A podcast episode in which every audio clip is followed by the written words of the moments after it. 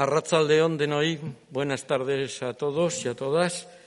Eh, hoy es la tercera eh, conferencia de las jornadas, que en este caso la hora, hora y cuarto de, de, la, ponencia la vamos a dividir entre dos ponentes.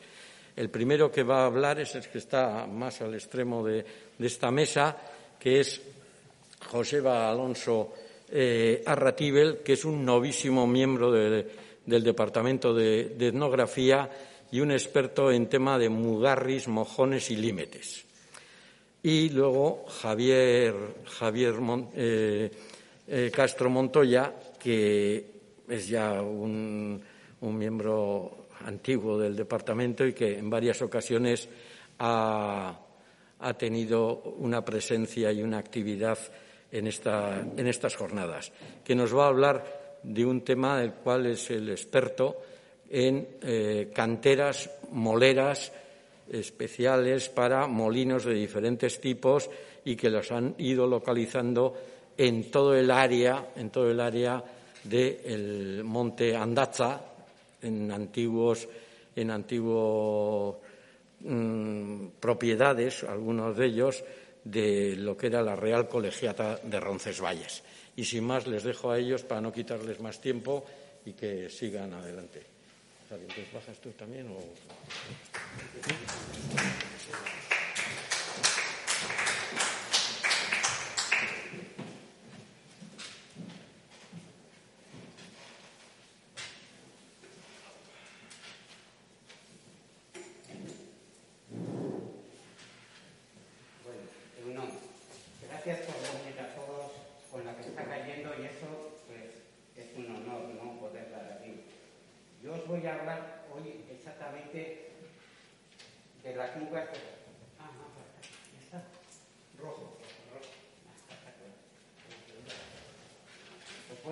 Exactamente de las mugas. En estos momentos lo que estáis viendo en pantalla, lo que estamos viendo es Guipúzcoa. Yo, de alguna forma, lo que mis estudios que estaba haciendo ha sido, siempre ha sido mugas municipales. Hola. Ah, vale, es que ricasa. Entonces, yo os voy a empezar a decir que lo que entendemos nosotros de las mugas más o menos, ¿eh? se podría decir que podemos estar hablando del 1200, ¿no? Porque hay que ponerle una fecha, porque todo el mundo quiere buscar mojones, yo no sé, del siglo VI o V, pero eso son palabras mayores. Lo que sí es verdad que los mojones tienen los municipales. ¿eh? Yo siempre hablo de términos municipales, ¿no? Lo que va a ser el contorno de un pueblo. Lo que vamos a ver es desde el 1200 cómo se va a ir configurando lo que hoy actualmente conocemos teóricamente los concejos o los ayuntamientos, cómo se va a ir formando Guipúzcoa en el fondo. Y voy a empezar, los datos y los años que aparecen aquí son datos recogidos de, Rosa Yerbe, que es una medievalista encantadora. Entonces, los datos, un año más, un año menos, no tiene importancia porque todo el mundo habla de los años cuando se va formando villas, cuando tienen la Carta Puebla, pero el gran problema es que muchos ayuntamientos las han perdido. Pero para mí no tiene importancia ahora un año arriba un año abajo, lo importante es cómo se van a configurar las, las villas. Y voy a empezar, y lo vais a ver para que os vayáis entendiendo cómo se van a formar, por dónde. Y voy a empezar, la primera villa va a ser Donosti, la segunda en el 1213, pero lo que pasa es que lo que hoy conocemos como Montarrabía era Nirún, Lezo y Pasajes. Luego tenemos Guetaria en el 2000, me voy a poner más cerca, 1209. Luego tenemos 1209 también Motrico. En la primera tanda se van a formar estos pueblos, estas villas. Luego va a venir otra tanda que va a ser la de Zarao, 1237. Luego es Hernani, 1256, tanto Segura, Tolosa y Arrasate. Os decía también que se les considera, antes se consideraba que era 1258, pero ya os veis dando cuenta cómo empieza ya a tomar un poquito. La costa es importante porque están interesados en lo que se va a transportar, en lo que son los puertos, ¿no? Y luego ya un poquito en la parte baja os dais cuenta cómo ya empiezan a aparecer Segura, Tolosa, Ordicia, bueno, o Villafranca. Luego ya desde el 1268 no se van a fundar nuevas villas hasta el, hasta el 1310, que van a ser Azpeitia, en el 1320 Rentería, Azcoitia, en el 1324, Garati. Bueno, pero este Garati es que era un poquito más grande, no era así lo que hoy entendemos exactamente, era la época de Arrechavaleta y era todo un núcleo.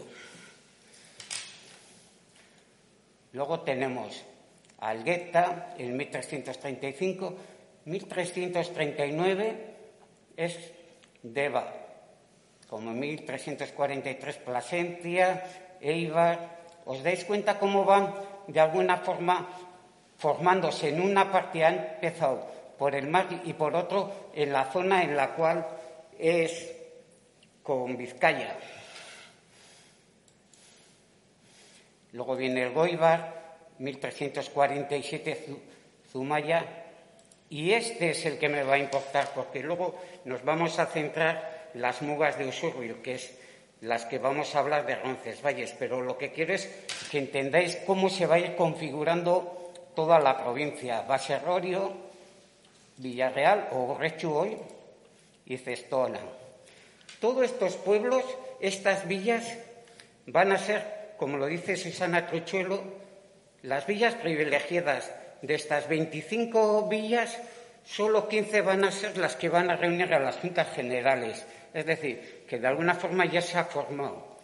¿Qué, es lo que va a pasar? Aquí os dais cuenta que en el centro está todavía los concejos y solo está Segura, Ordicia y Tolosa. Pero hasta más o menos, hasta el 1400, estos pueblos se les van a anexionar un montón. Asegura, se les va a anexionar seis pueblos, Legazpia, Cegama, Idiazábal, Cerain, Utiloa, Ormaite, Gurugarreta y Astigarreta. A Ordicia se le van a juntar nueve, nueve pueblos más. Va a ser Biasain, va a ser Rataum, va a ser Zaldivia, bueno, nueve más. Y a Tolosa, 18. Y de alguna forma ya está configurado. Y decís, ¿y por qué ha aparecido las partes blancas? Pues exactamente son las zonas en la cual van a estar las alcaldías mayores. Les van a dejar un poquito a los señores feudales, pues un poquito gobernar, ¿no? Como es en la alcaldía de Arería, que está el señor de Lazcano en todo lo que va a ser Arriarán, con Gaviria y Chaso y Zumárraga. De alguna forma, lo que estáis viendo aquí es un poco cómo se van a ir configurando.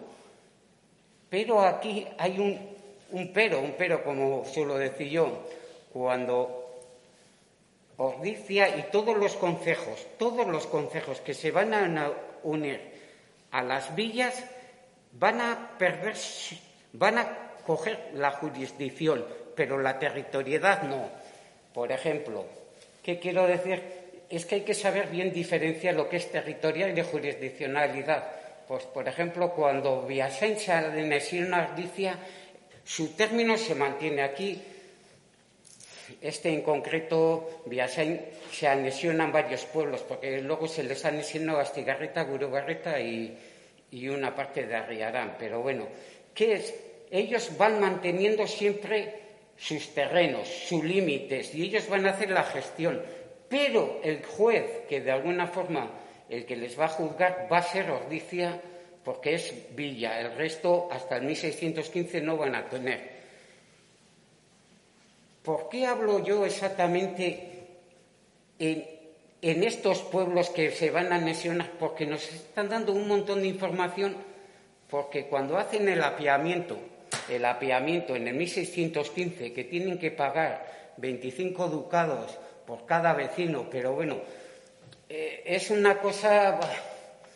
Cuando fuimos a Simancas a por todos los documentos en la cual de las anexiones, pues ponen una serie de condiciones. No todo el mundo se cuenta por uno, a las mujeres se cuentan por medio, por las niñas y tal. Muchas veces es, es, es una historia un poquito de cómo van a pagar. El rey necesita dinero y les va a dejar. El primer pueblo de aquí que se va a desanexionar en Guipúzcoa va a ser Legapia, 1608, y ellos van a pagar un poquito menos, creo que 10 ducados por cada vecino.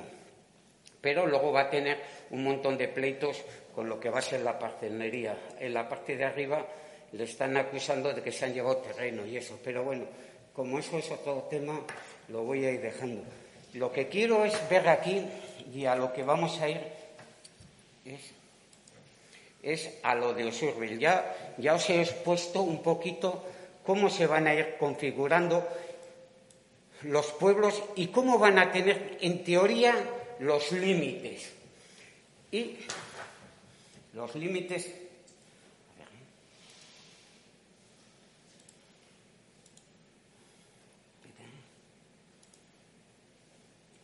Bien, aquí.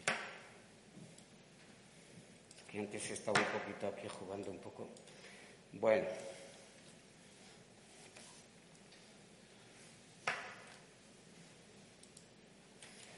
Bueno, el término de, de va a ser así, con una ortofoto de cómo van a ser los contornos. Antes ya os he hablado que ya Usurbil en el 1371 ya va a tener la forma, excepto la parte esta última, que es Zubieta, que es. Lo que quería decir, eso es importante, eso es.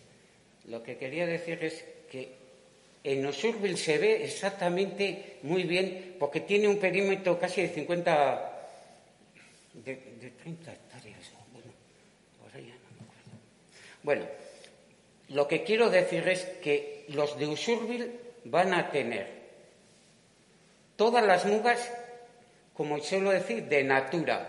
Y es importante ver de natura. ¿Por qué digo de ser de natura? Mucha gente cree que las mugas son artificiales. Las únicas artificiales son esas que se han hecho en, África, que después de la Segunda Guerra Mundial vienen y las dividen. En Guipúzcoa solo conozco un par de casos, ¿eh? la de pasajes con Ondarrabía y eh, el Duayen con Verástegui, cuando hacen líneas rectas. Es decir, yo siempre suelo decir, cuando veo esas líneas rectas, que digo, estas están decididas en, en, un despacho. Eso no es.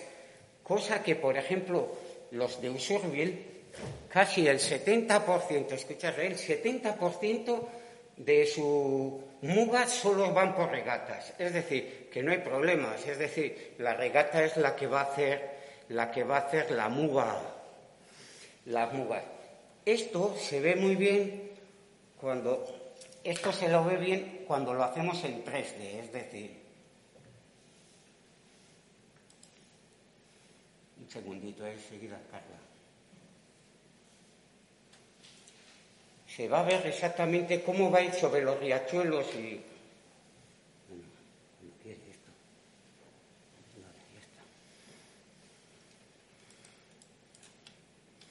Espera, me voy a ir acercando. Lo que quiero es que veáis cómo, de alguna forma, siempre van a ir las mugas. Las que ocurren en Usurbil, que bueno, que es que primero tengo que agradecer al Ayuntamiento de Usurbil porque nos ha dado la oportunidad de hacer este trabajo a Javi y a mí y, bueno, eh, lo que quiero enseñaros es un poquitillo cómo va a ir eh, por las recas. ¿Os dais cuenta cómo, cómo va por el valle? Por ejemplo, desde la muga entre Usurbil, Cizurquil y Haya, todo es una regata y va a bajar hasta el río, va a bajar hasta aquí. Ya lo veis aquí como de alguna forma todo va a ser la regata. Y aquí no hay muchos problemas. Mucha gente cree que las mugas tienen muchos problemas. Yo, el mayor problema que veo es de las mugas es que la gente tiene que entender claramente que son cuando se hace un ayuntamiento, el amojonamiento y, y está aprobado por plenos, ese es un acta y es como os estaría diciendo que, por ejemplo, alguien hace un testamento, ¿no? Puede hacer 50 testamentos, pero el que vale en realidad es el último. Lo que no se puede hacer es, como mucha gente yo les he visto, y más cuando utilizamos la historia solo para nuestros intereses, lo que hacen es juntar, juntar distintos amojonamientos. ¿Y qué es lo que pasa? Se generan conflictos, porque cada amojonamiento es uno nuevo, es como si sería un testamento nuevo. Ahora puedo decir que la muga está ahí, si los dos ayuntamientos se han puesto de acuerdo y decir que está aquí, pues está aquí y eso hay. Luego, no, es que sí, que no. No, no, no, no vale hacer ensaladas.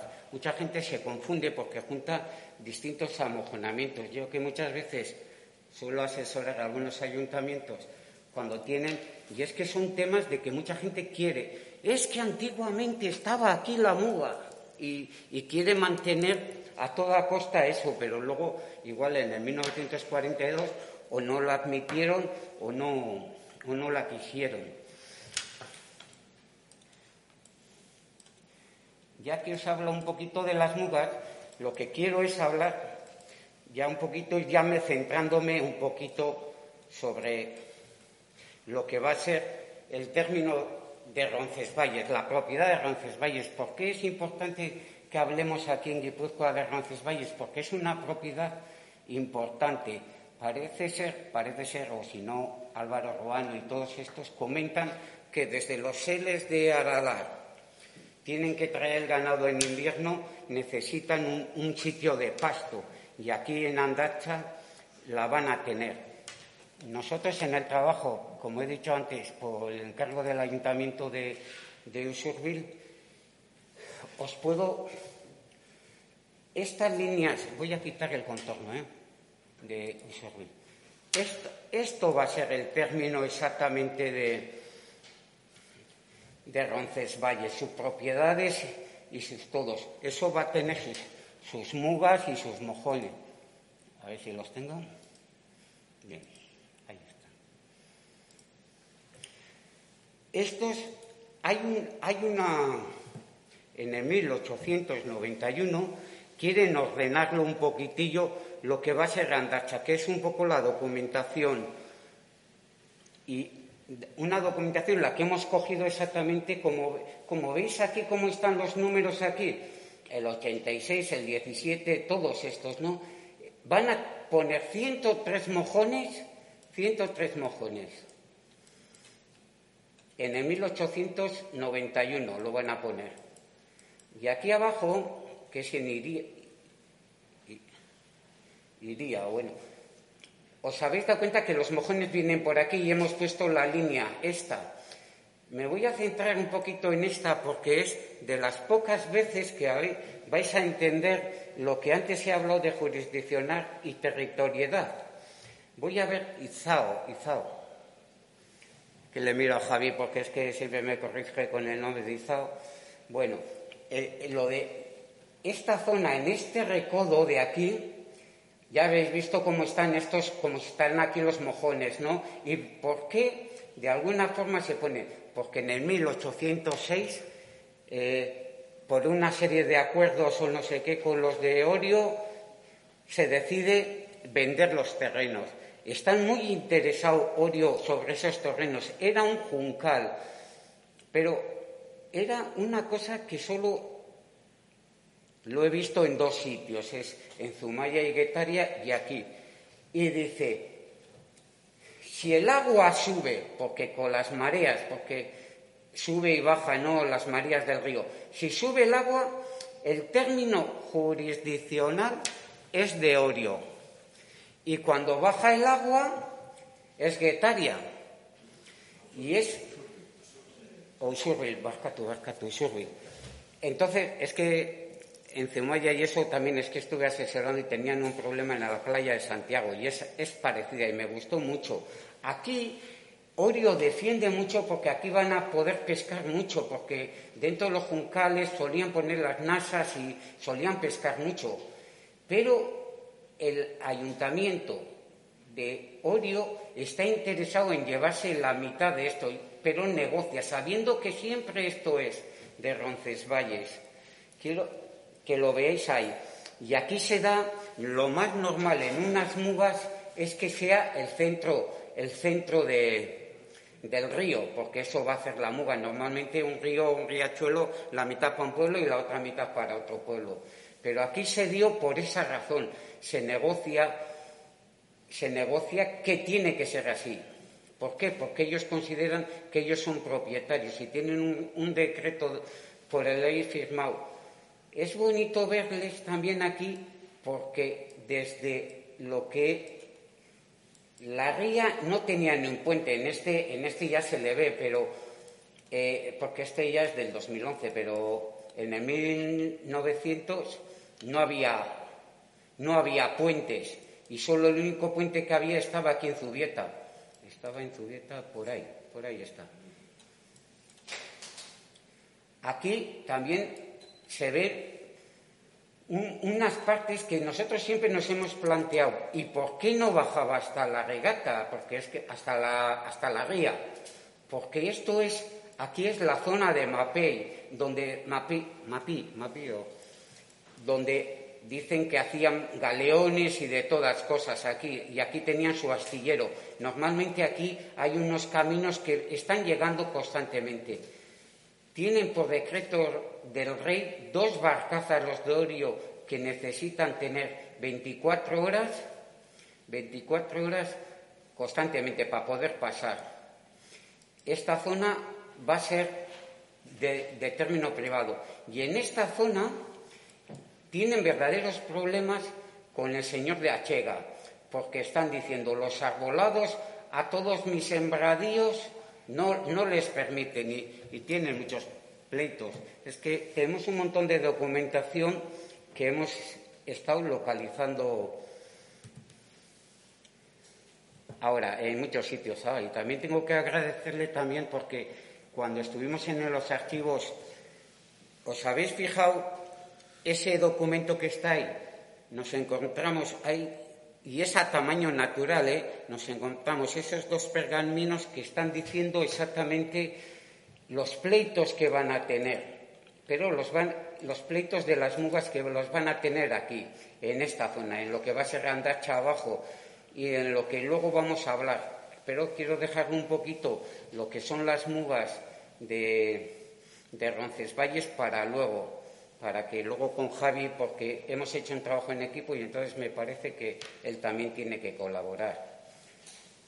Bueno, pues no sé. A ver, espera. Ah. Bueno, las mugas van a ser estas.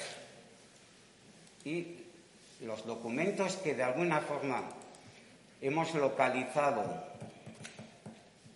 para, para esta charla y eso van a ser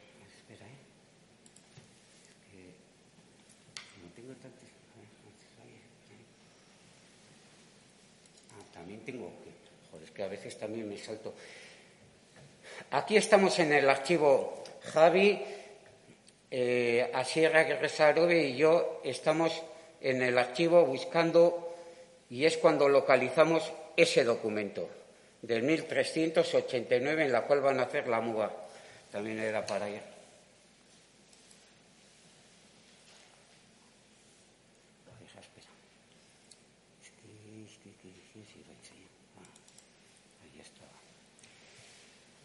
Luego, como vamos a hablar de Orreaga, os voy a enseñar, para empezar, una serie de símbolos, porque lo que nos parece interesante es entender por qué los báculos van a ir a la derecha, que es cuando estábamos haciendo el trabajo en Usurbil, nos dimos cuenta de que en Guipúzcoa los báculos, donde está esto de aquí, estos siempre iban a la derecha nos hemos encontrado, bueno, estos documentos.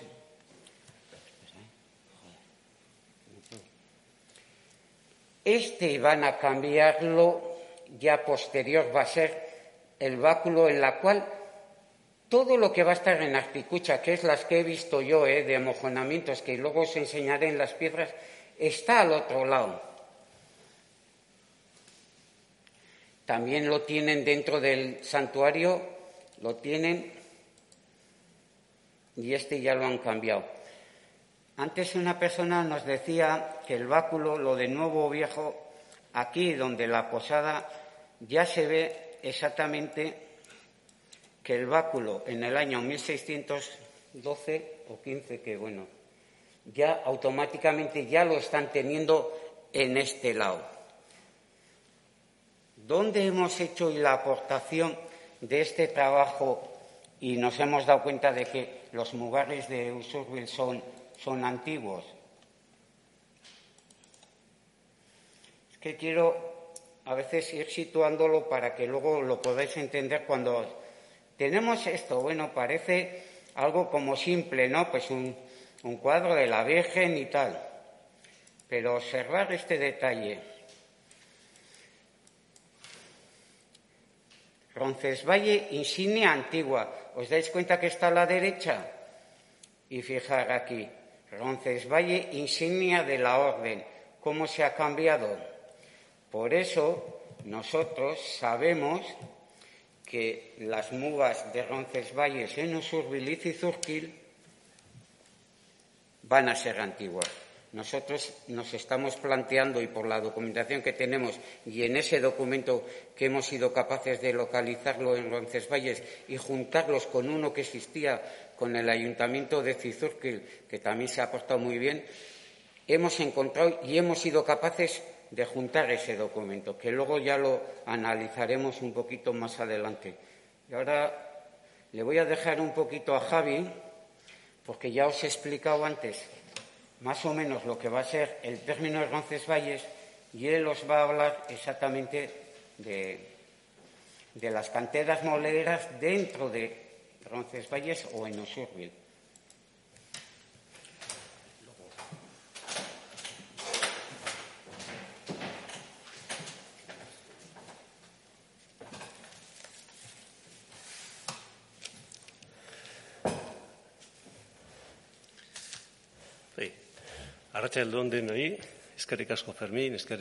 Joseba, eh, Santermo. Muy buenas tardes y nuevamente estoy con vosotros aquí para dar esta conferencia. Eh, Joseba me ha hecho como de telonero ¿eh? y yo me voy a centrar ya eh, no en todo el municipio de Usurbil, sino solo en lo que es Andacha. Eh, voy a presentar lo que son el, estudio que hemos hecho de, de las canteras.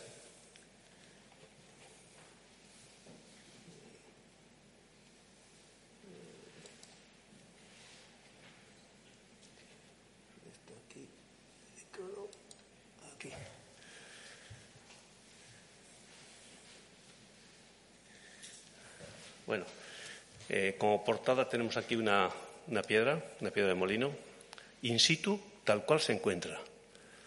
¿Eh? Bueno, bien. Eh, esta investigación la hemos hecho un equipo de tres personas. Asier, Asier Sarobe, que es un etnógrafo, es historiador etnógrafo, vive en Usurbil, aunque es donostiarra. José Alonso, que, que es de Ordicia, aunque vive en, en La. Y yo mismo, que soy donostiarra, pero que vivo en Deva.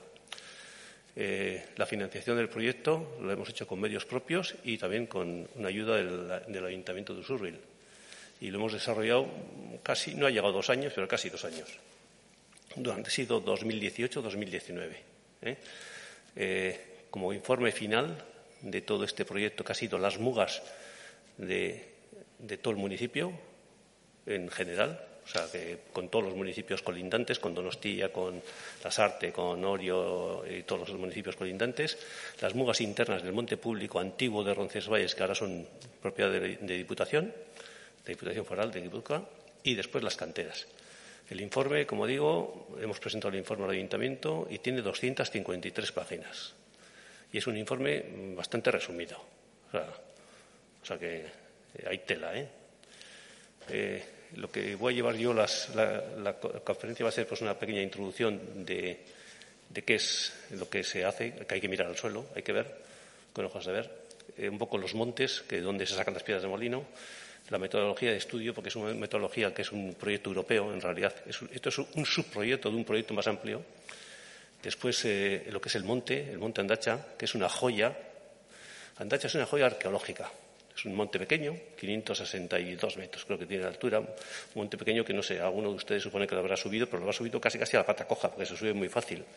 No es un monte de los que van a, aralar o tal. Es un monte que se, hace, se hace de paso, se puedes hacer subir a la mañana, eh, ir a pescar y comer y a la tarde, si quieres andar en bici, te da tiempo a todo. ¿eh? Después, lo, que es la documentación. Hemos encontrado mucha documentación. Yo os daré después datos de la documentación. Muy, extensa. Después haremos un recorrido por lo que son las canteras, las 24 canteras. No veremos todas porque son muchas. Y después, un poco lo que hemos encontrado con esa documentación y lo que supone ese trabajo molero, porque no es para los molinos de, de, Usurbil. se exportaba se exportaba y veremos luego, hemos encontrado también lo que es el oficio, las personas, los, canteros, a las familias, hemos encontrado, o lo que hacemos es cuando, cuando analizamos esto, estamos, realmente estamos sacando un oficio antiguo, olvidado pero antiguo. O sea, no la piedra, sino el oficio. Estamos buscando el oficio, que es más que, que la propia piedra. Bueno, ya tenemos que un historiador famoso, López Martínez de era de Lezo, era cura, y en 1625 escribe un, libro muy importante para Guipúzcoa, que es un compendio historial. De ese compendio historial bebe, o, cita cosas de Garibay y de anteriores, aunque se, publica en 1850 en la imprenta Baroja. Eh, no le publica la Diputación cuando lo publica, cuando en 1625 lo publican después. ¿eh? Y mirad lo que dice, andacha, con TS. ¿eh? Hoy, se, hoy se escribe con TZ. En la jurisdicción de Usurbil y de Haya. Haya con Y de donde se sacan las piedras de muelas de los molinos. Lo está diciendo en 1625. ¿Eh? No se sacaría una sola piedra, que daba mucho negocio. Bueno, cuando se va al monte uno puede buscar cosas etnográficas, pues hay desde Seles, las cortas Sarroyac, en Guipúzcoa se dice Sarroyac, el Usulos, Mugarris, Mojones, Carobis, etc. Y al final si vas mirando al suelo, te encuentras hasta las, lo que son las canteras moleras. Hasta ahora casi nadie había mirado al suelo viendo canteras. La gente iba a Estelus, iba a Iseolas, a hornos, a cuevas. ¿eh? Entonces he puesto una, Y hay algunas cosas más, ¿eh? pero bueno. ¿eh? He puesto el último canteras moleras porque lo, lo último reciente que estoy mirando yo, yo he, investigado sobre seles, sobre caseríos, sobre caminos antiguos, sobre muchas cosas. ¿eh? Veamos lo que es un monte donde sacan las piedras. Esto es un dibujo que es una idealización de un trabajo. Ahí vemos a la izquierda abajo pues gente con un carro eh, tratando, eh, eh, desbrozando el monte arriba, cortando incluso arriba a la izquierda cortando un árbol que parece que es un abedul para, para desbrozar y para, para, que se vaya la cantera. La cantera la tenían desbrozada porque lo que hacían es sacar el suelo, aprovechan el suelo. La materia prima es el suelo no se puede plantar en el suelo, sino que se avanza, se avanza, se avanza. Ya Pilar y unos amigos etnógrafos, conocidos aquí también, porque han dado, han dado alguna conferencia en, en incluso en esta sala que también han dado conferencia, Pilar y Pedro, matrimonio de La Rioja, pues ya empezaron en 2000 a estudiar este tipo de, elementos etnográficos y encontraron en La Rioja 22. Bueno, os quiero decir que en Usurbil hay 24. O sea, para que veáis que en toda La Rioja hay 22, pues en Usurbil hay 24 emplazamientos, para que veáis un poco la importancia. Aquí está Pedro con Tim Anderson. Tim Anderson es un, arqueólogo yanqui que vive en Granada, el de Rojo. Y bueno, vemos hay una, piedra molino, esto está en, Soria, ¿eh? son fotos del 2010, estas. Y se ven alveolos y zonas de extracción. A la derecha, los huecos, las improntas de extracción, donde ya no están las muelas, y a la izquierda vemos una muela. ¿eh? Yo me integré al equipo en el año 2007 y empecé a aprender con ellos. Bueno, eh, para voy a hacer un pequeño recorrido por diversos montes para que veas. he, traído unas fotos bonitas, lógicamente. Eh, a la izquierda Oqueta, Oqueta está, es al sur, de, al sur del Gorbea, es el pequeño Gorbea, le llaman.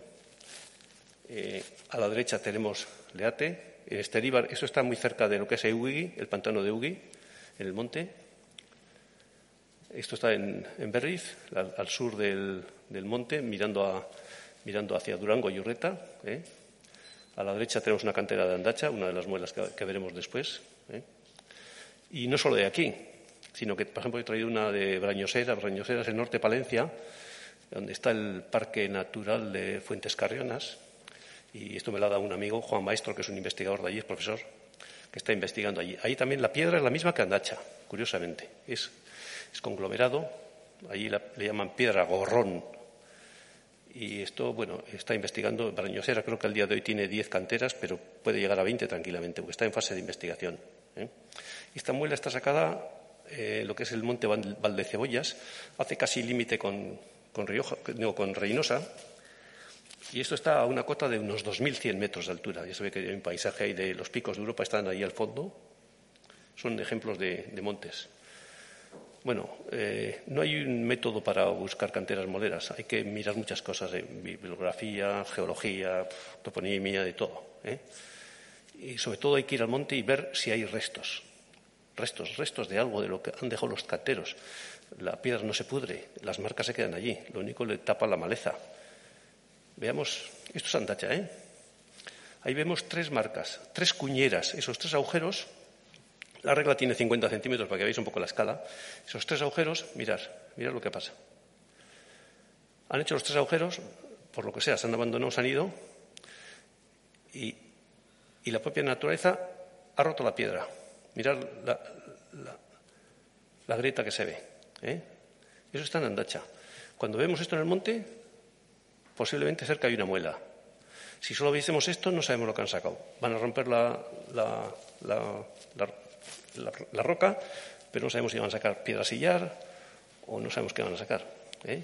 Y, incluso no sabemos de qué época. Puede ser época prehistórica, ¿eh? para hacer un dolmen o para lo que sea. Pero bueno, en este caso hay una cantera ahí mismo. Para que veáis un poco son, hay que ir con ojos de ver. Es muy difícil ver esto. ¿eh? Bueno, también se puede ver a través del LIDAR. Esto también Andacha, ¿eh? es una zona de Andacha. Ahí, tengo puestas las coordenadas. Esto son, lo usamos antes de ir a explorar. miramos LIDAR. El LIDAR es una técnica que hacen los vuelos con, avión. Se puede descargar desde Geuscadi. ¿eh? Y anula la vegetación, rebota es un rayo láser que rebota en el suelo y se ven caminos antiguos y todo esto. Entonces,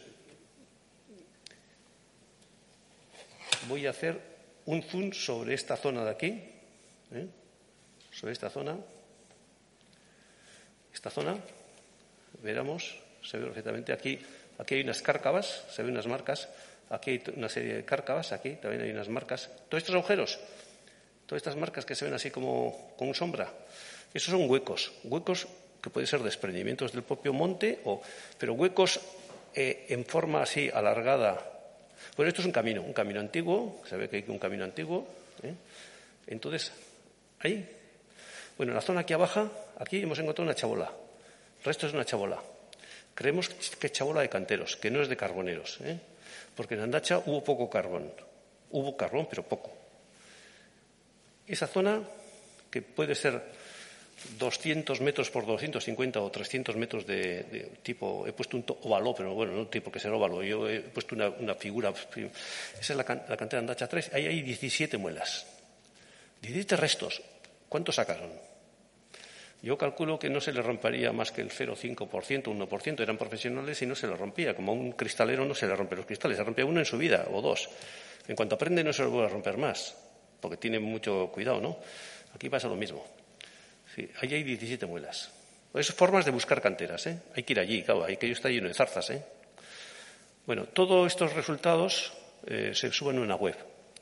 Una web que tiene un nombre muy raro, Meulier, Is, Lyon, Instituto, no sé qué, es una, universidad. Si uno pone en, Google Atlas Meulier, Meulier es en francés, es muela, Meulier, si pone así, le sale una web, entra y navega y está en inglés y en francés y en castellano y bueno. Lo lleva el profesor Alain Belmont, Belmont, que es lo mismo que Usurbil, Belmonte de Usurbil. Se apellida igual, curiosamente. Veamos al día de hoy cuántas canteras están en este proyecto, en el proyecto europeo. Pasan de mil.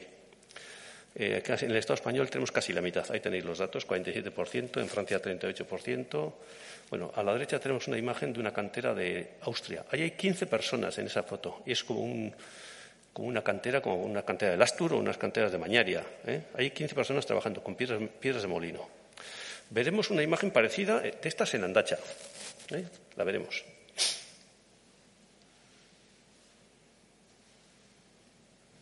Si alguien quiere sacar fotos, puede ir sacando fotos. De todas formas, como va a quedar grabado, para la imagen y se, está viendo. ¿eh? Bueno, veamos lo que también pasa en el mundo. No estamos solos, eh, estamos en el mundo. Eh, por ejemplo, en Suecia, en Noruega. La costa de Noruega está llena de canteras. Ahí tenemos un pueblecito que se llama Hillestad, a la izquierda, encima de Bergen. Bergen es un pueblo famoso porque van los cruceros paran ahí en Bergen.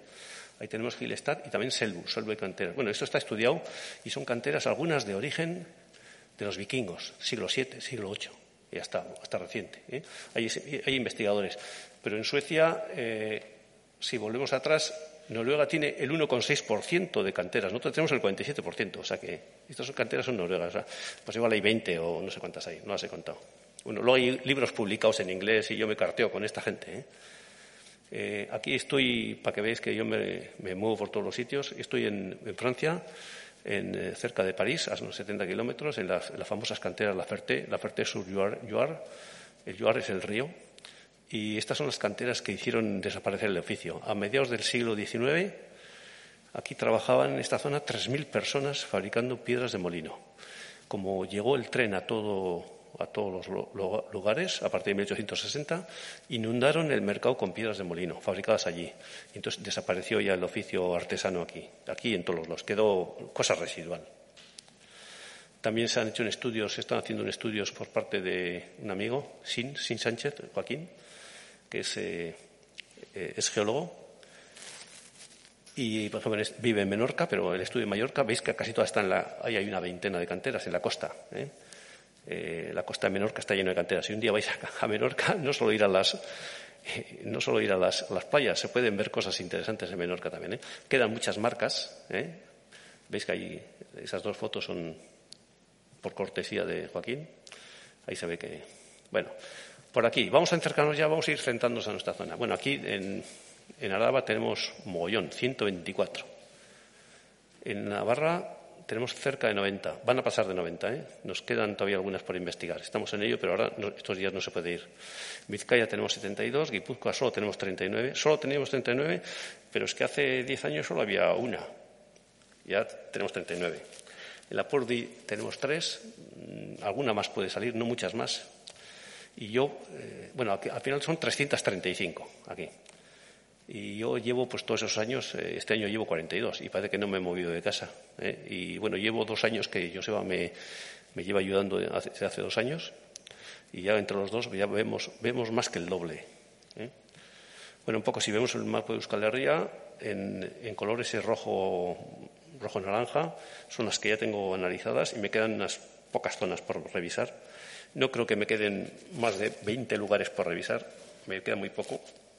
Algunos tenemos que volver ¿eh? y Andacha aquí lo tenemos, ¿eh? ahí lo veis.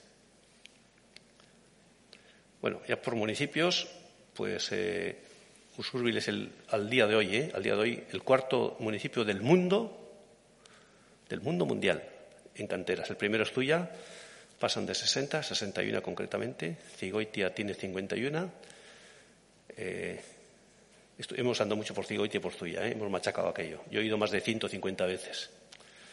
Eh, me he dado más de una vuelta al mundo en kilómetros buscando canteras. Y la mitad he ido a, Gorbea, para que veáis el. Orozco tiene 30 y 36, Usurbil tiene 24, Berriz tiene 20, tiene 20 y un libro sobre canteras. ¿eh? Luego Batán, Batán va a subir alguna, ¿eh? Llegará a 22 o 23, no sé, igual le coge a Usurbil, no sabemos. Y después, veis más abajo, pues está Brañosera, Treviño, Aezcoa, Barrundia, bueno, ahí hay, una serie, Lanz también tiene unas cuantas, ¿eh? Ya vamos a centrarnos en el monte Andacha, y es un monte de conglomerado. Donde está el número 5 abajo, le he puesto yo Andacha, esto es basado en, en un mapa cartográfico del EVE, pero es un mapa antiguo del 88. ¿eh? Las coordenadas no están adecuadas al, día de hoy porque son coordenadas de 50 y habría que desplazar unos ciento y pico metros para adecuarlas al de hoy, pero no tiene importancia porque eh, es válido.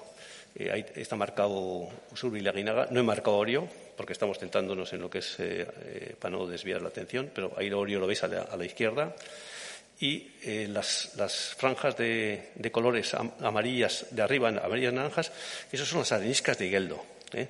Andacha no tiene nada que ver con la, roca de Higueldo, nada que ver. Vamos a ver un corte rocoso que va desde aquí, desde el 3, en dirección norte. He quitado el 3, el 3 prima, estaría arriba pues, por centrarme. Ese corte rocoso, lo veríamos aquí arriba en la imagen de arriba, Andacha es esta, esta zona de aquí, de la izquierda, este sería el valle por donde va el río Oria, aquí sería lo que es eh, eh, las areniscas de Igueldo, que vienen, son areniscas que vienen desde, desde en dirección a Iger, a Ondarribia, eh, por todo Jaizkibel, que son las mismas piedras, y aquí sería el mar. Entonces, no tiene que ver eh, la piedra de conglomerado de Andacha con esto. Es una, conglomerado de Andacha es una piedra que tiene unos 100 millones de años o un poquito más del Cretácico y las areniscas de Geldo son Eoceno, que son unos 45 50 millones de años. Abajo veis unos detalles del conglomerado, que es una roca como si fuese el, turrón, el turrón de, Alicante, o sea, con, con, con avellanas de cuarzo tipo, pues como grandes, como de 2 centímetros, 3 centímetros, 4 centímetros, son centimétricas y es una roca muy dura porque está basada en cuarzo. ¿eh? Bien, este es el mapa del trabajo de campo que vamos haciendo y aquí ya, cuando vamos andando, pues anotamos y, luego en casa anoto y esto es una, cosa hecha un mapa. ¿eh? Eh, al norte vemos lo que es donde está Usurbil, lo que es San Esteban y lo que es Usurbil por donde pasa el río Oria, y luego la zona sur, la zona sur del mapa, ¿eh? pero que es la cara norte de, Andacha. ¿eh? Ahí tenemos las 24 canteras. Luego lo veremos mejor, porque ahora vamos a ver ya con mapas QGIS, que me ha ayudado Joseba a hacerlos. Esto ya está hecho con QGIS. ¿eh? Bueno, lo que vamos a este es el mapa del, término de Roncesvalles que hemos visto antes, y aquí está, pues todo, están las mugas, están todo, porque esto está en el estudio. Vamos a hacer un zoom y este zoom, bueno, aquí vemos dos mugas de Roncesvalles, una por aquí y otra por aquí, cerca del caserío de Garchazábal, y aquí están las, las 24 canteras. De las 24 canteras, 14 están en terreno de monte público, hoy es monte público, y 10 en terreno privado. O sea que si alguien se va allí, pues eh, si entra en una propiedad privada hay que pedir permiso o por lo menos aparcar en sitios que no estorbe o eh, por lo menos hay que ser respetuoso cuando se va allí. El monte público hoy en día es de Diputación, lo gestiona Diputación, pero ha venido del Estado y porque ha venido desde cuando la desamortización de Mendizábal fue de, Roncesvalles, hasta, hasta 1860, algo así fue de Roncesvalles. Esas vicisitudes son muy, muy largas de, de, explicar, eh, sería una conferencia solo por el tema, pero algo ya citaremos aquí. ¿eh? Bien, si esto en QGIS lo ponemos en, vez de puntos, antes eran puntos, estos son áreas más o menos, pues ocupan una extensión de unas 225 230 hectáreas, que es, que es mucho terreno, las 24 canteras. Veis que algunas canteras están pegadas al río, otras en el monte. Eh, hay cuatro o cinco canteras que están en la misma reca. En la misma en el fondo de la reca, está la cantera. ¿Por qué? Porque la propia reca, el río, el riachuelo que baja, ha cortado eh, los estratos y el cantero aprovechado ya tiene un corte. En vez de hacer una bocamina o una zanja, ya tiene el corte. Entonces hemos seguido río arriba, que son ríos que bajan bastante vertical, bastante, bastante el desarrollo de esos ríos tienen un kilómetro, en un kilómetro bajan de 500 metros al, río, a, Loria. Entonces es una pendiente muy elevada. ¿eh? Son ríos que bajan derechos. Cuando el río no tiene pendiente va haciendo meandros. Por eso el Oria en su tramo final va haciendo meandros, pero aquí van derechos. Entonces hay que subir por esos ríos y hay que ir cuando no hay agua, porque si no te, o te caes o, no, ves nada, porque está todo lleno de, agua y no ves. Algunas veces las muelas están sacadas del, y el agua le pasa por encima. Si hay mucho agua no lo ves. Cuando hay poco agua es cuando ves la muela.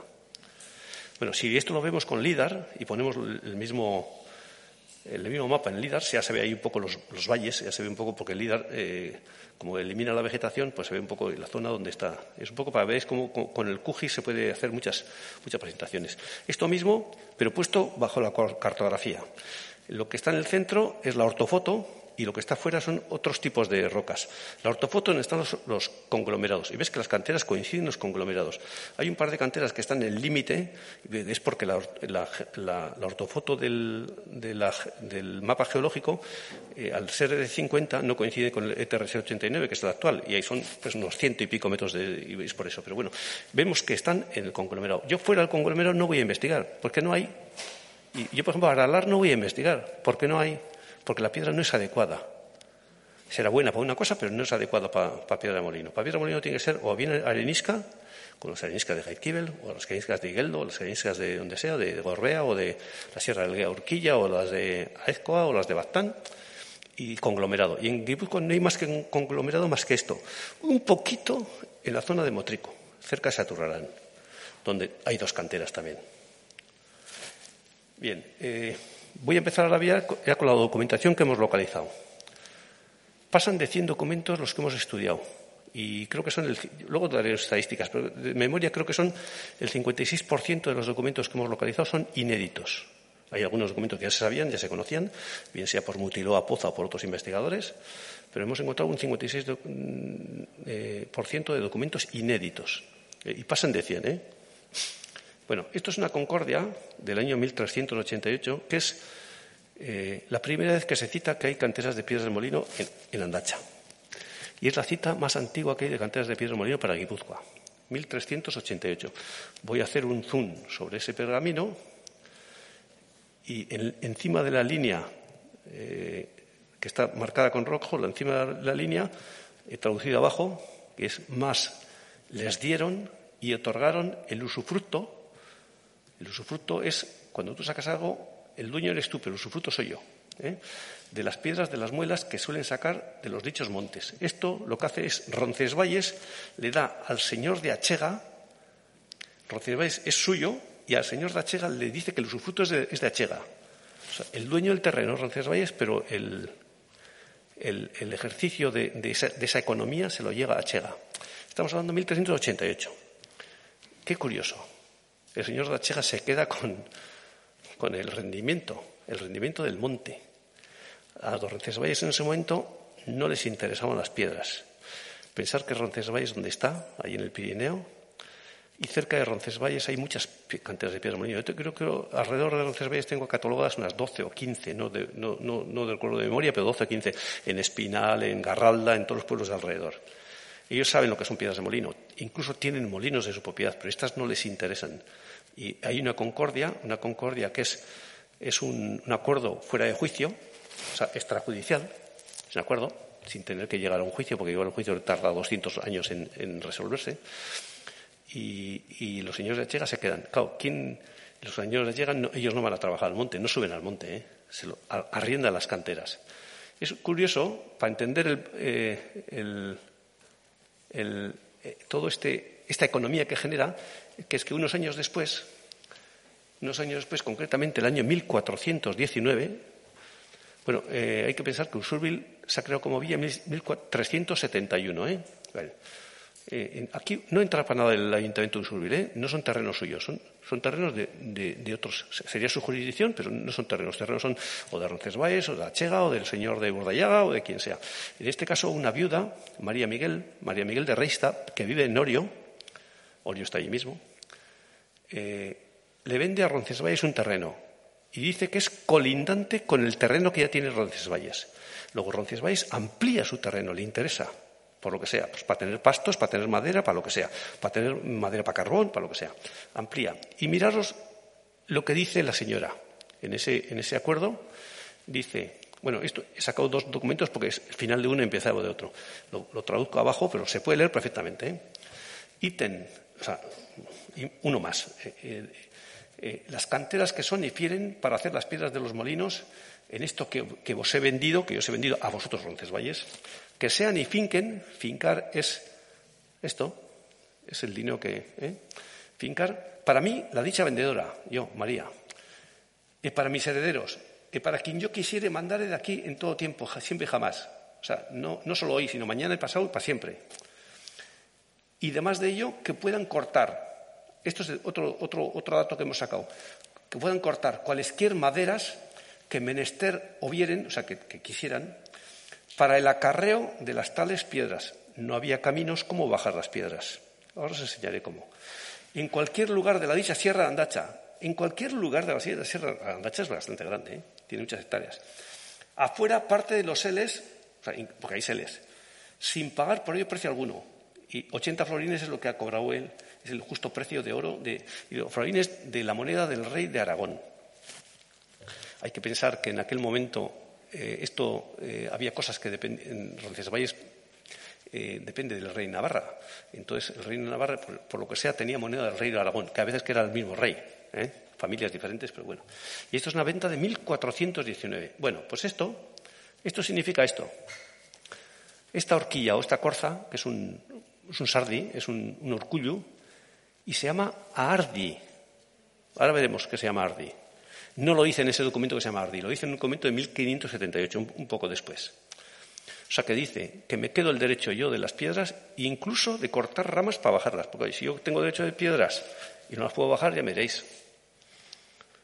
O sea, eh, el transporte también. ¿eh? Esto es un dibujo hecho yo. ¿eh? Bueno, vamos a pasar un poco más adelante. Y hay un testamento de Juanes de Guillisasti. Este, ¿Quién es Juanes de Guillisasti? Es un cantero. Ya tenemos un cantero, Guillisasti. Y es un, caserío que está allí todavía. 1569. ¿Qué dice este cantero? Bueno, dice muchas cosas. Entre otras cosas dice que tiene bueyes para transportar. Y dice, y te digo que yo he tratado y trato en Andacha, en las canteras y pedreras de la casa de Achega, o sea, que son de la casa de Achega. Cuidado, igual son de Roncesvalles, pero lo que el derecho es de Achega, ¿eh? ¿Vale? Y digo que para todo lo que ha sacado de las dichas pedreras debo a la dicha casa, a la Achega, y a sus señores y dueños de la dicha casa 20 ducados. 20 ducados es mucho dinero. 20 ducados puede ser del orden hoy de 5.000, 6.000 euros. ¿eh? Y con esto tengo pagadas las canteras y pedreras de aquí hasta Pascua de Mayo. Y en esto, que se entienda que así lo debo al bachiller y de Eh, los Andacha, eh, los, perdón, los Achega, eh, entroncan con los Idiacaiz. Pero en este caso es un cura, es un bachiller rector Usurbil, que sería un familiar, igual sería el sobrino, no lo sé en ese momento, de Usurbil. Usurbil lo pone con H y con doble L, Usurbille. Y todo lo demás, que soy encargo a la dicha casa de los, y que debo 20 ducados, que no debo más. ¿eh? Bueno, eh, bueno, y tenéis el archivo, es un archivo sacado de, de Oñate. Este es, este es inédito. ¿eh? Bueno, el testamento tiene varias páginas y dice que tiene muchas cosas. Este hombre es, casi casi millonario. ¿eh? Vale. Pero está diciendo que se lo debe al señor Achega. No, no le paga un euro a Roncesvalles. Roncesvalles no recibe ni un real. Bien, ¿y por qué sabemos esto? Pues porque hay un, un, pleito muy interesante, tiene unas 200 páginas, está aquí en el archivo de Donostierra, ahí ponéis HS, Archivo Histórico de San Sebastián. Eh, ahí tenéis la referencia, caja 94, número 66. Eh, en ese pleito resulta que hay un, señor que compra a Roncesvalles el terreno. Roncesvalles es un momento en que vende toda su propiedad. ¿Y por qué vendes toda su propiedad? Porque unos años antes Hemos estado en Roncesvalles. Bueno, hemos estado en Roncesvalles, cuando ha dicho Joseba que hemos estado en Roncesvalles, no hemos estado una vez, hemos estado dos veces, realmente. Hemos ido dos veces. Roncesvalles está muy lejos, ¿eh? Eh este hombre compra, bueno, Roncesvalles vende, pero ¿por qué vende? Pues porque hay un, un administrador, Roncesvalles tenía aquí un administrador. No iban a venir aquí a cobrar y a... ¿eh? Tiene un administrador. Y el administrador les dice que, esa zona que no, que no es rentable que no renta, que pagan muy poco, solo pagan algo por carbón, algo por frutales, algo por la zona de Lipusal y, y chao, la zona abajo, pues algo por, por el arriendo de, de, de, las huertas y nada, de poco, poco más. Entonces viene, viene el, el abad, viene y dice que, que, efectivamente que no es rentable, hacen las cuentas y no es rentable, y lo venden. Lo compra. El que lo compra es, eh, en ese momento es alcalde de San Sebastián. O sea que era un, era gente potente. Eh, les lleva a juicio, porque mm, al año siguiente nadie le paga nada. Ve que no, que no es rentable. Tengo un terreno ahí a pérdida. Entonces les lleva, les lleva al corregidor, mandan a testigos, mandan no sé qué. Bueno, al final van a declarar todos. Eh, el, el, fiscal les hace declarar. Bueno, al final acaba que le devuelve la, el terreno a Roncesvalles, que no lo quiere, para ti, no lo quiere. Y por eso Roncesvalles se mantiene hasta 1860. Bueno, y dice, es uno de los testigos, unos testigos pero encausados, ¿eh? Este es un cantero que le dicen, oye, usted se está llevando las piedras de molino y no le paga al dueño. Dice, oye, pues perdona, que ¿cómo va a pagar al dueño? Le pago a Chega. Y dice, ese le he preguntado cómo se llama al cantero. ¿Dónde es vecino? ¿Y qué oficio y edad tiene? Dijo que se llama Juanes de Echeveste, que es vecino de Usurbil y que es maese cantero de ruedas de molino. O sea, maese cantero de ruedas de molino. O sea, no es un cantero vulgar y corriente, es especialista en fabricar. Maese, ¿eh? maestro. Y este da 55 años, poco más o menos. Bueno, y luego tiene muchas más cosas, ¿eh? Pero para que veáis documentos, este documento eh, está aquí en el, en el Ayuntamiento de, San Sebastián. Eh, Un detalle de, lo de la ARDI que os he dicho, ese urcullo, esa orza para sacar las. Este, eh, ahí tiene 200 páginas este. Y os voy a leer lo que dice lo del Ardi. Y para el acarreo de las piedras están hablando de los testigos. ¿eh? ¿Y cómo saca usted? Pues, pues, así, ¿cómo tal? Y para el acarreo, el acarreto de las piedras, es ruedas de molino que se sacan de las dichas canteras y pedreras de Achega, que son de Achega. Estamos diciendo que, el dueño, que, que eso es de Achega, está en terrenos pero pues son de Achega. ¿eh? Han cortado en los términos de Andaza en los árboles más convenientes para ello, para que con ellos hacer el instrumento, aquí dice, o artificio en echacen andar, o sea, para que, para que, para que, para que, que deslicen a las piedras que dicen en vascuence ardia, que es decir lo mismo que puerca, puerca, la hembra del puerco, ¿eh? Vale. Ardi, antes de decirse cherry, el puerco, el cerdo se decía ardi, aquí también, ¿eh? Si miráis en el diccionario, con H intercalada, aquí está sin H, lleva una H intercalada. O sea, estamos hablando del año 1578. Bueno, dice que es lo mismo que puerta. Y los uso dicho, lo de arriba, ha visto este testigo y será Bueno, y dice muchas más cosas. Y preguntado que declare quién es y cuántas veces ha visto cortar, y cuántas igual ha visto solo una, cuántas veces cortar los árboles necesarios para las ardias o puercas, para llevar las piedras de molino, repiten, ¿eh? en, los, términos de Iría y Andacha. Andacha siempre se paran Iría y Andacha. Hoy se llama Irisasi el monte, pero se llama Iría y Andacha. Iría es la zona baja y Andacha es la zona alta. ¿Y cómo y por qué sabe que han tenido costumbre y posición de cortar los dichos árboles de piedras y setos en libertad para ello? Dijo, dijo, que ha visto cortar para las dichas puercas o ardias, vuelvo a decir lo mismo, árboles en los dichos términos de Andacha a Domingo de Guilisasti, un cantero de allí, y a su hermano Juanes de, de de Funtos, y a Juan de Guilisasti, y a otros muchos que de presente no se acuerda y así los dichos árboles, o sea, están diciendo que bajan con esos, con esas, eh, árboles que no, son ni, siquiera narrias o, oleras, porque son antes de, porque no hay caminos, ¿eh? o son caminos muy, muy toscos o caminos de... nos están diciendo una forma de bajar las, las canteras. Estamos hablando de 1578. Y os recuerdo que esta mujer en 1419, cuando ha vendido, se ha, quedado con el derecho de cortar los árboles para bajar las ruedas. fijaros, ¿eh? Bueno, estas son todas las canteras que hemos localizado. Eh, les hemos puesto el nombre Andacha 1, 2, 3, 4, 5, 6 hasta 24. Eh, pero sin embargo sabemos dónde está en la zona, cada uno está en su topónimo, está en la zona de Satiaundi, la zona de Viardo, en la zona de Puelaberri, Bordásar, solo hay una que no sabemos la zona y hemos puesto Mojón 56, porque está al lado del Mojón 56 de, de esos 103 que os ha dicho Joseba. ¿eh? Eh, Belostegui, toda esa zona, ¿vale? Y ahí tenemos el número de muelas, son 132 muelas. Mm, sale a una media de 5, 5 muelas y pico. ¿eh? Yo con tengo más de 1.500 muelas localizadas en el monte, tengo localizadas unas 300 y pico enteras y me sale una muela a una media de 5 muelas. Claro, la media es la media con grandes números, puedes hacer muelas con una, puedes hacer eh, estadísticas con una sola cantera, pues no te da media. Pero aquí, con, cuando hay muchas canteras, me da una media siempre de 5 o 6 muelas en cada cantera. ¿vale? Ahí tenéis las medidas. La medida más, baja es la de 0,60. 0,60 nos está retrotrayendo seguramente al siglo XII o siglo XIII, seguramente. Estamos hablando que en el siglo XIV ya tenemos datos finales, o sea que, eh, salvo que sea para otro uso que, desconocemos, salvo que sea uno para un molino manual o 0,60 es una muela muy pequeña. ¿eh? Y tenemos de 150, 130. Pensar que una muela de 150 por 20 centímetros de ancha pesa unos 900 kilos. Para que veáis que hay, hay que acarrear. ¿eh? Bueno, vamos a dar ya un recorrido por unas cuantas canteras y voy, voy un poco más rápido. Esto es la cantera. Abajo tenéis el número de la cantera. ¿eh? Como son 24, no sé si he traído la mitad.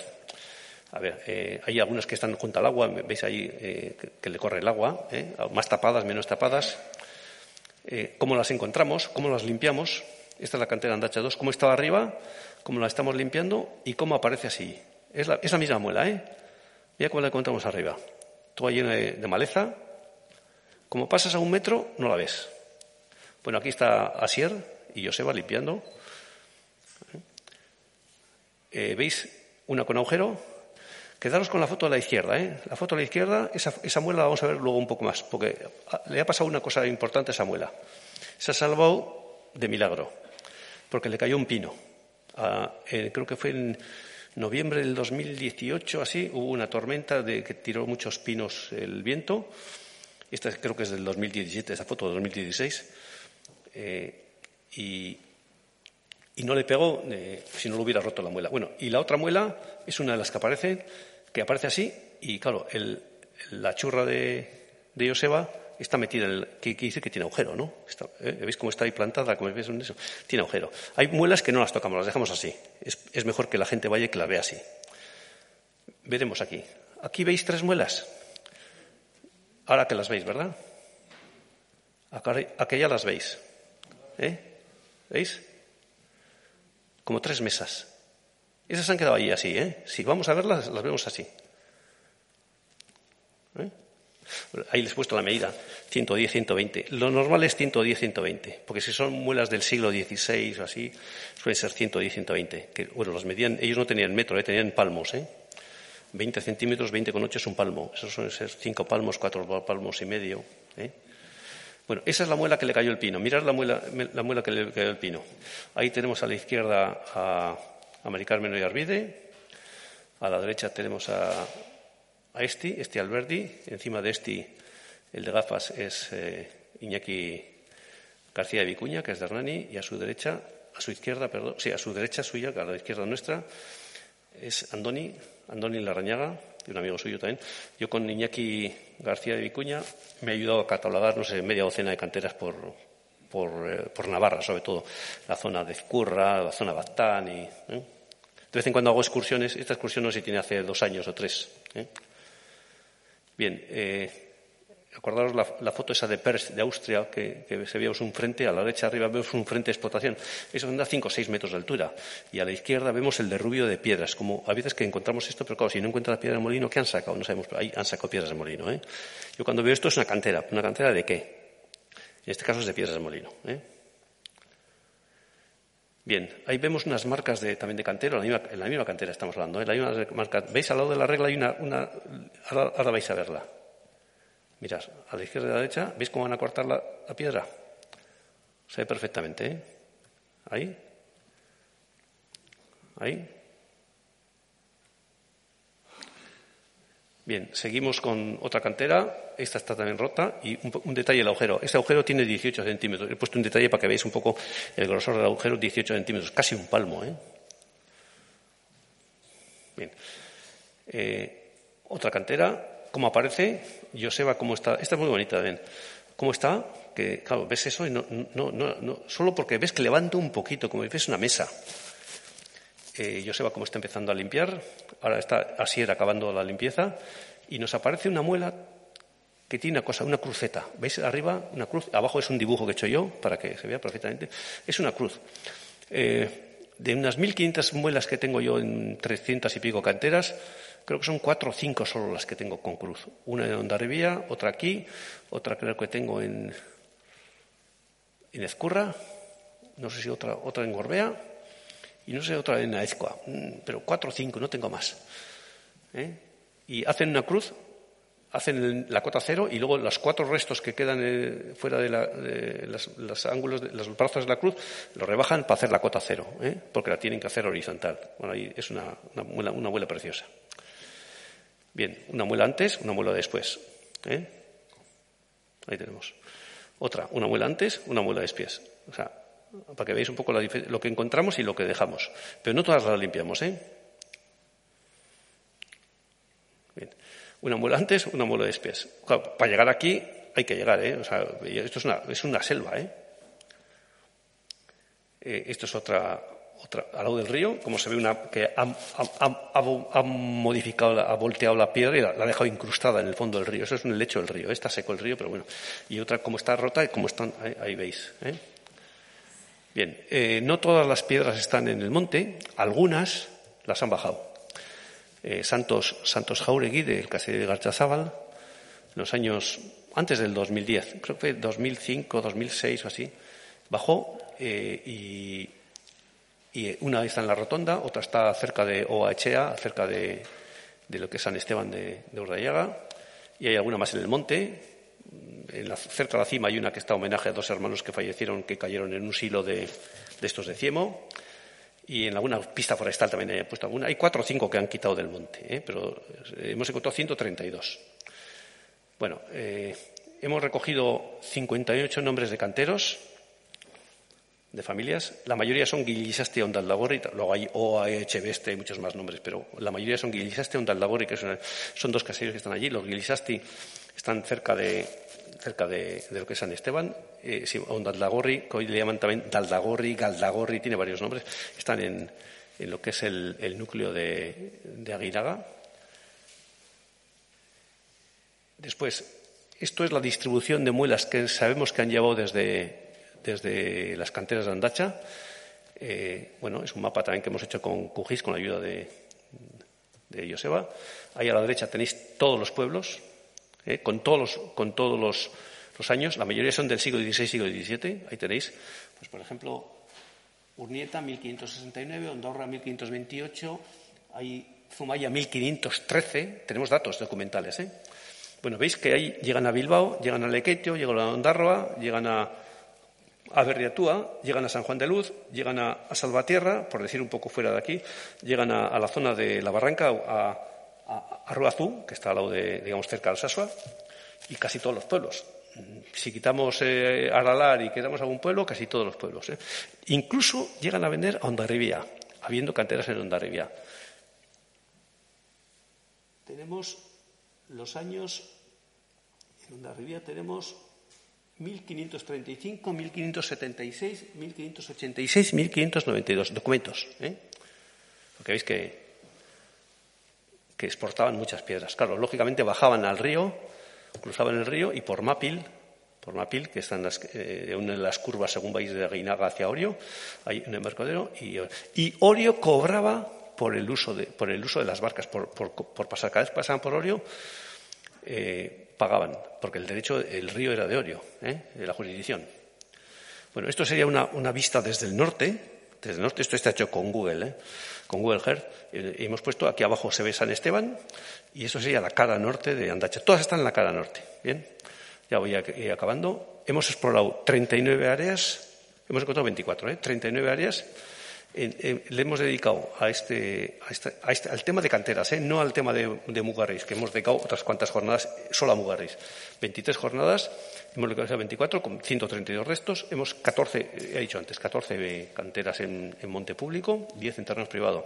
Hemos consultado y obtenido 114 documentos entre esos años, 1.249 y 1.809, sobre canteras. ¿eh? El 56% son inéditos. ¿eh? El informe ha sido redactado tal y ya solo me queda pues, los agradecimientos. Primero al Ayuntamiento de Surville por, todo como nos han, entendido nuestro proyecto, nos lo han subvencionado en parte. Eh, quisiera a la alcaldesa, a Gurchane Solaberrieta, a uno de los concejales que está aquí presente, ¿eh? a José María Iríbar, también al técnico del Ayuntamiento de Usurbil, que es Ivón, Iván Goicochea, y después eh, Anchón Arrieta, que me ayudó sobre todo al principio, 2010, 2011, por ahí, con él localizado creo que son dos o tres canteras. Ángel Calvo también, que mismo en el Departamento de Etnografía, también he localizado un par de canteras con él, al principio sobre todo. David Cano y Nerea Iraola son dos historiadores que están haciendo tesis doctoral, son del Goyerri. Han localizado también algunos documentos de la zona del Goyerri, por ejemplo, del Molino de Ibares y alguna otra cosa. Julen Erostegui es un archivero del Archivo de Vizcaya. Eh, Asier Iturralde es eh, Usurbildarra, es de, la zona de, de. Y también he, localizado un par de canteras con él, porque vive allí y anda en la bicicleta del monte y entonces conoce bien el monte y me ayuda a localizar alguna también. Santos Jauregui es el propietario de, aunque él es de, él no es de Usurbil, es de, no sé si es de Beizama o de, bueno, es el propietario de, de Garchazábal. Josu Larrañaga es un filólogo que ya estaba aquí también dando, alguna conferencia conmigo, que es, de, es vizcaíno, pero me ha localizado también algún documento de, Doñate. Luis, Lerchundi es el que me localizó el documento de Donosti, del archivo de Donosti, de San Sebastián de aquí, eh, del pleito ese de 1577-78, que es un estudioso de las fábricas de anclas y buscando las fábricas de anclas localizó ese documento. Ramón Martín es el archivero de, Oñate, responsable. Alfredo Moraza es un historiador de, de Aranzada y también que ha localizado algún documento y nos ha pasado. Ana Otegui, la responsable del Archivo General de, de Guipúzcoa en Tolosa, también que nos ha ayudado a localizar algún documento. Y a Javier Salvarredi, que es de, de Verástegui, que también en el Archivo de Verástegui hemos encontrado cosas. Claro, no vamos a ir otro Archivo de Verástegui. Él conoce muy bien el Archivo de Verástegui y nos ha pasado algún documento de 1600 y pico también que se sacaban piedras de, sobre todo de Andacha. ¿eh? Un poco la bibliografía que está. Anchón Aguirre Sorondo escribió hace años pues, un par de artículos. Eh, Asier Aguirre Sarobe, nosotros hemos, publicado también otro artículo. Y luego yo he publicado algunos y después, eh, pues Moitiloa, Lema Puello, eh, Lourdes Odiozola y Truchuelo, ahí están los típicos de que han hablado siempre de Andacha, pues un poco pasando en base a sus historias que han hecho, un poco residual. Nosotros hemos focalizado mucho. Y bueno, esto es lo que os quería contar sobre, los, sobre las canteras.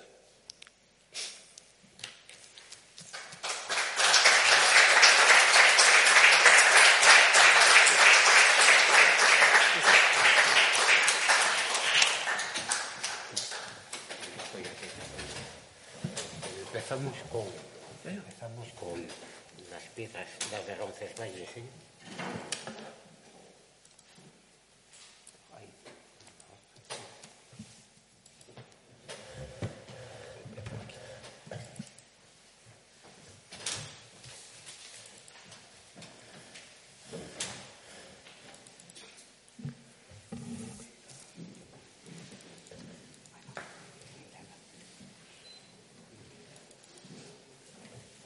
现在是这样的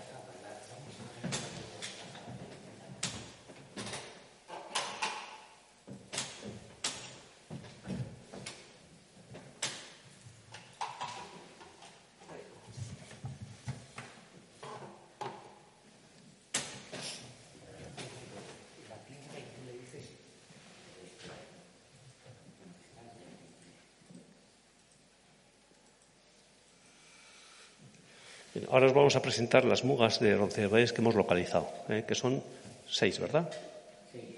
Hay siete, pero nosotros solo hemos visto seis. Hay una que está, digamos, secuestrada.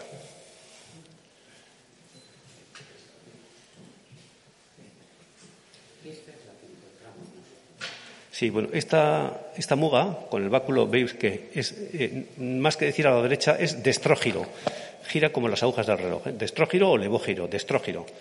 Eh, esta eh, la hemos localizado nosotros, no se conocía, estaba allí, lógicamente, pero la hemos localizado nosotros, y está porque hay una valla de un terreno mm, que tiene la Federación de Caza, creo que es, y entonces no se puede entrar y no se puede ver.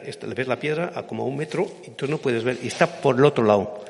O sea, eh, han metido la valla dentro de un terreno de Usurbil cuando, cuando la muga va por, por Cizurquil. Es, muga Cizurquil. Entonces, nosotros eh, tuvimos que, saltar la valla, lógicamente, para sacar la foto.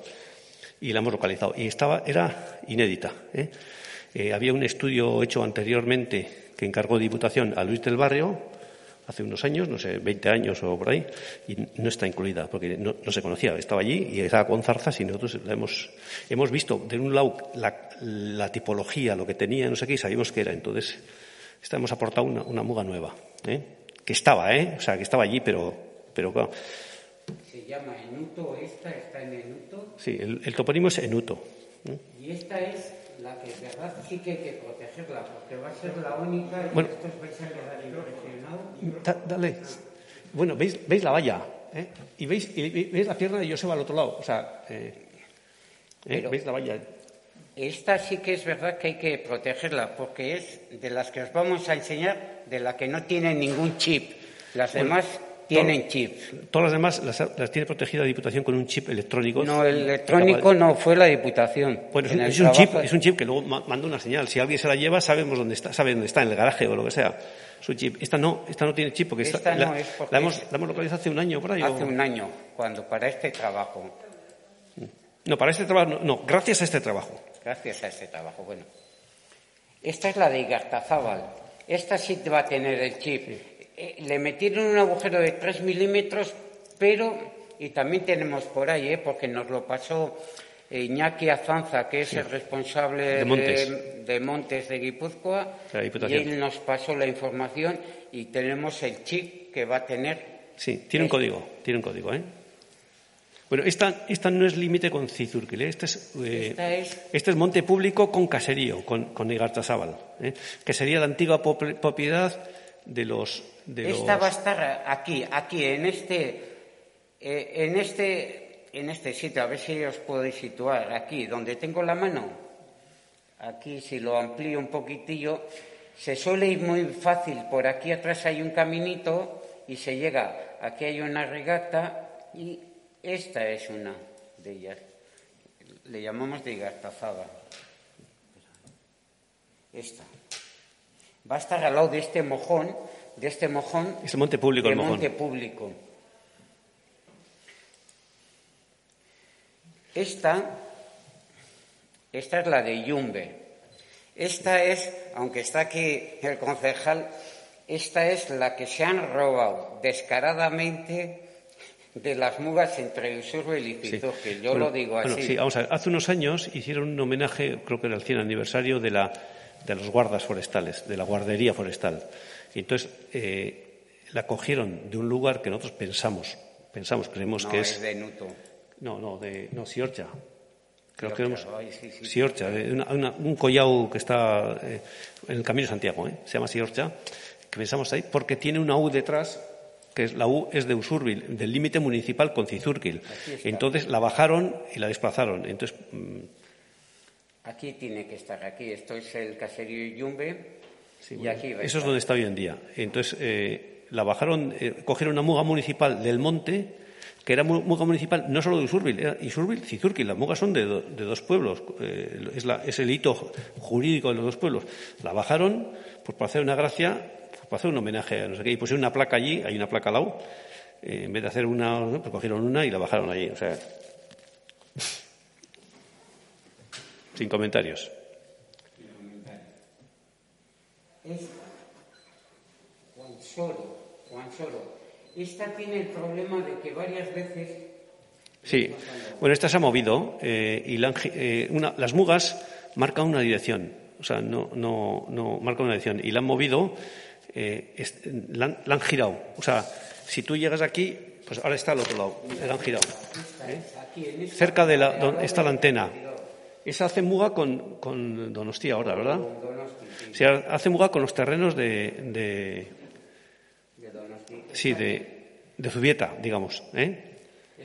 Está, digamos, está, digamos, bastante, es la que está más cerca de la nueva central, eh, la fábrica esa que han puesto en el monte.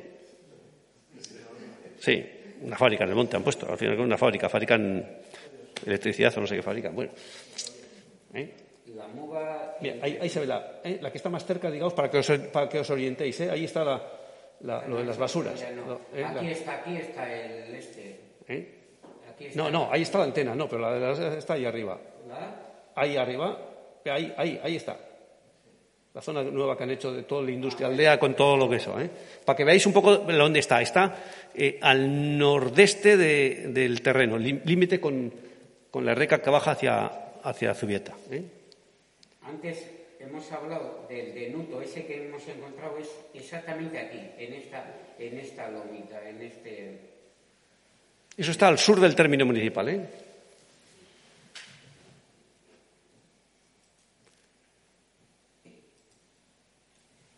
Esta es Mugarriluce. Esta Sí. es muy conocida, todo el mundo Sí.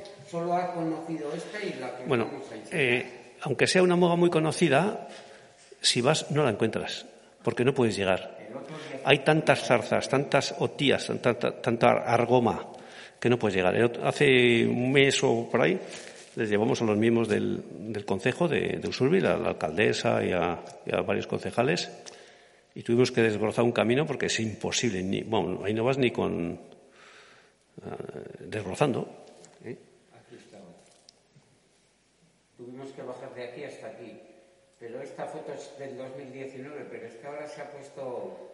Sí. Esta sí es conocida y muchas veces la gente la ha publicado. Es verdad que, que está ahí.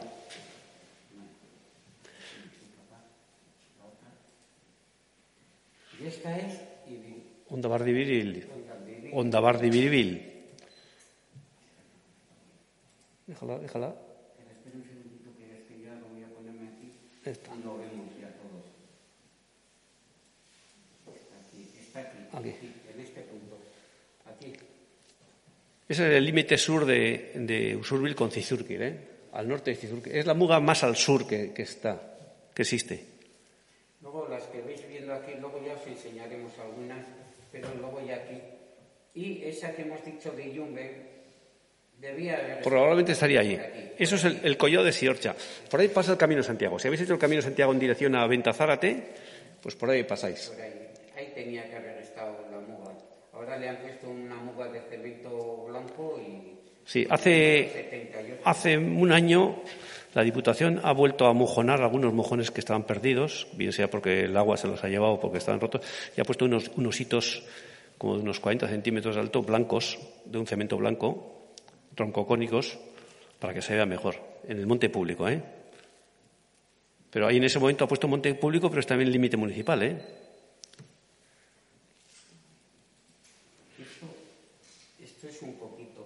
Vamos a hablar exactamente que es del trabajo, que también queríamos ir a Sí, ahora vamos al, al- al documento, sí.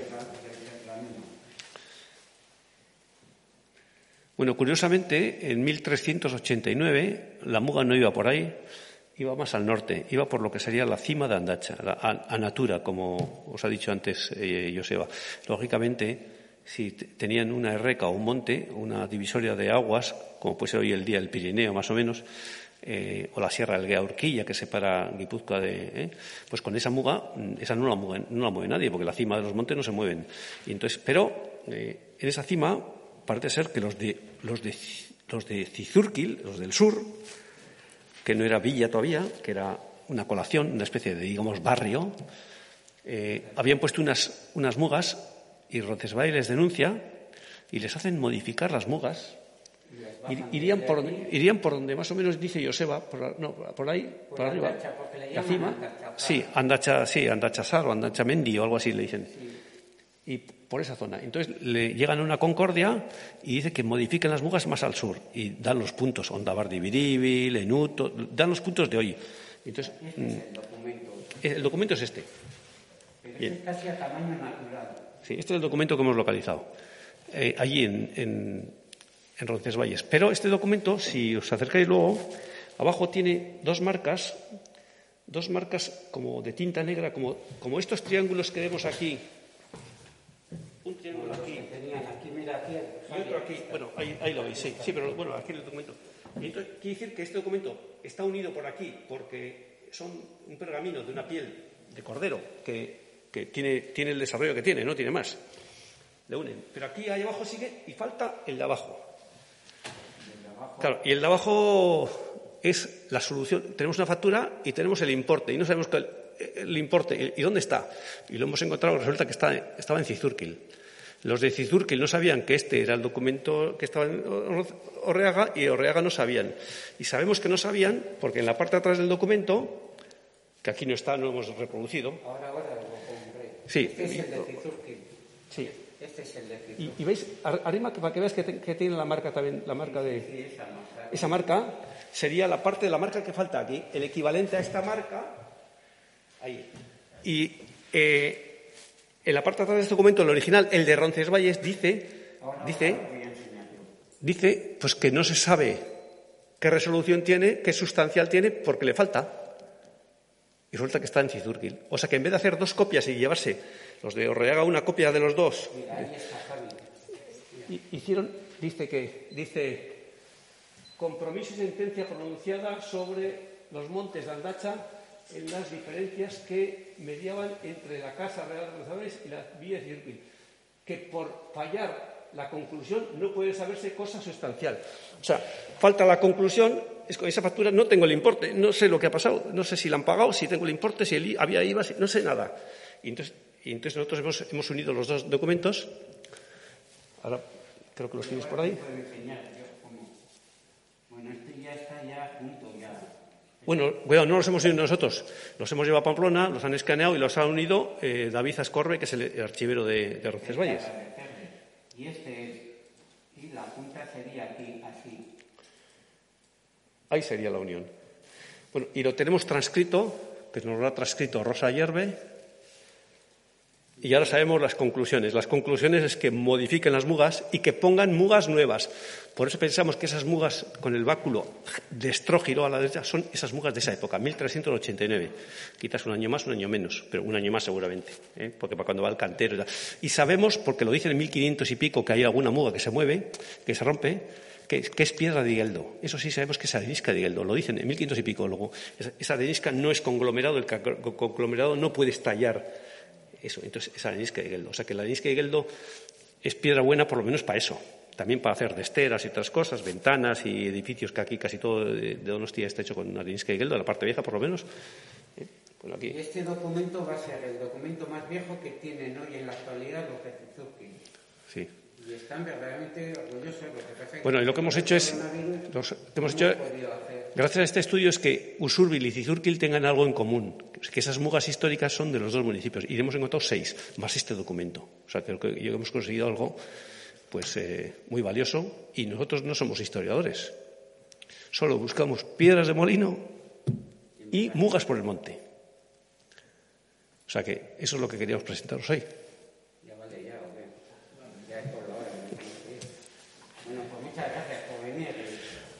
Gracias por el esfuerzo de acudir. ¿eh?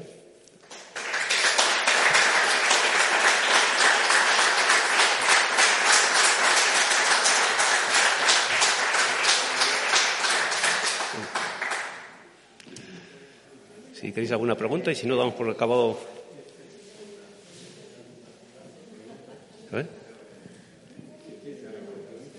Si queréis alguna pregunta.